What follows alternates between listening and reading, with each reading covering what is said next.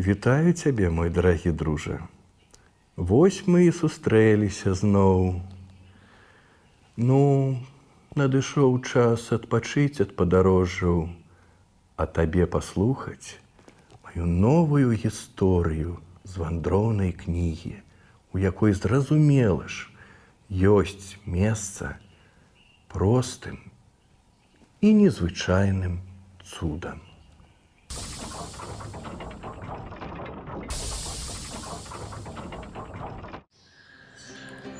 У гэткі вечар Марылька была ў доме адна.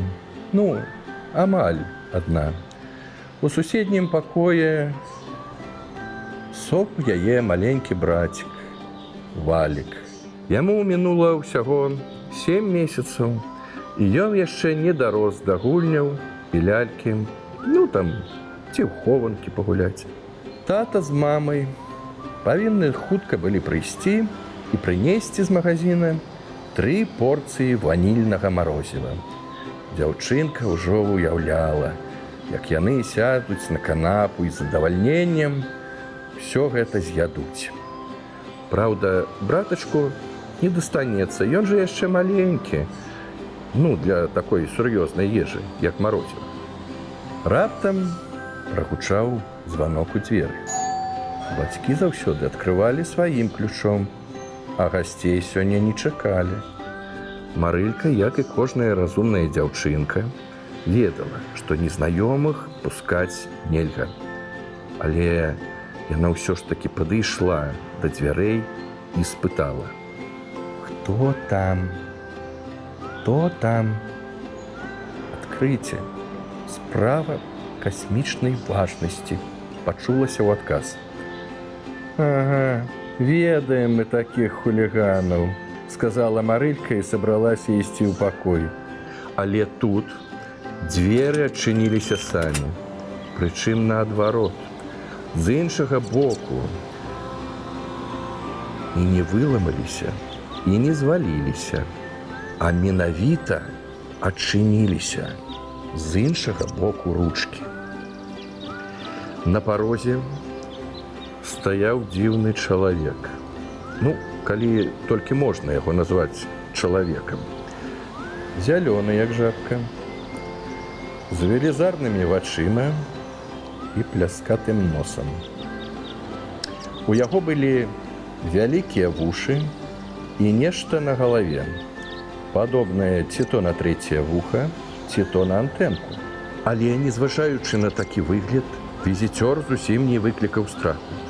Незнаёмы ўвайшоў і марылька ўбачыла, што ззаду ў яго хвост.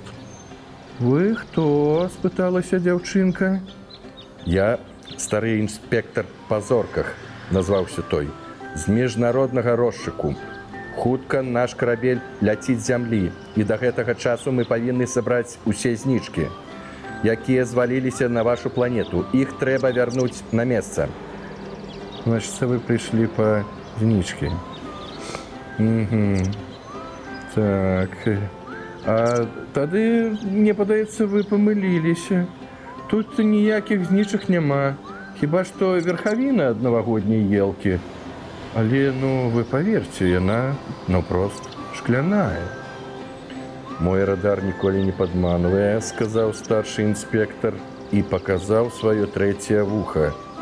Ён сцвярджае, што зорачка сузор'я гончых знаходзіцца недзе тут. Сузор'і за яе вельмі хвалюецца. Не трэба забраць гэтую зніжку і яшчэ дзве. Тады мы зможам працягнуць пошукі на венеры.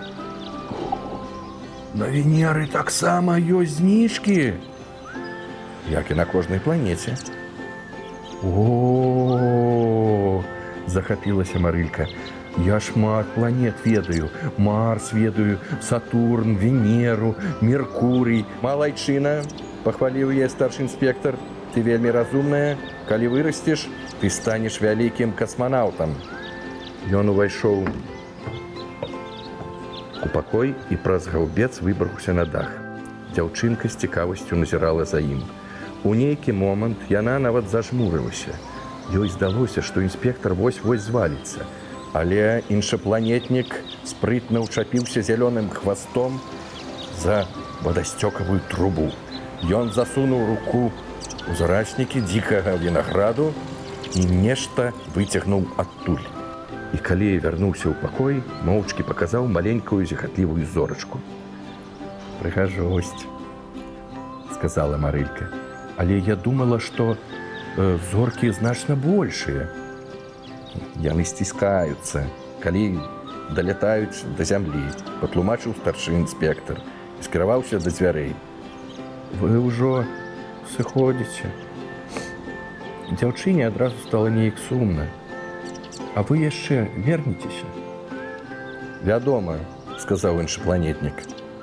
Знічкі часта валяцца на зямлю. Я буду прылятаць і шукаць іх. Тады можа вы зазірнеце да мяне ў госці, я пачастую вас гарачым малаком з печывам. Можа. А лепш ты зазірні да нас. Хутка людзі навучацца рабіць шпаркія касмічныя караблі. Я пачастую цябе сокам з марсіянскага агрэсту і гарачым мамбурэкам. Пакуль. Да пабачэння памахала рукой марылька. Старшы інспектор па зорках выйшаў за парог, і дзверы самі зачыніліся. Нібыта і не адкрываліся ніколі. Калі прыйшлі мама з татам і прынеслі марозіва, дзяўчынка нічога ім не расказала. Всё роўна не паверыць. Затое з гэтага дня у яе ўзнікла мара стаць касманаўтам. Ну калі не касманаўтам, дык можа касмічным турыстам. Ці хто ведае, можа нават такім самым інспектарам па зорках. А вы прыгледзьцеся. Можа, зусім побач вас чакае штосьці дзіўнае і чароўная.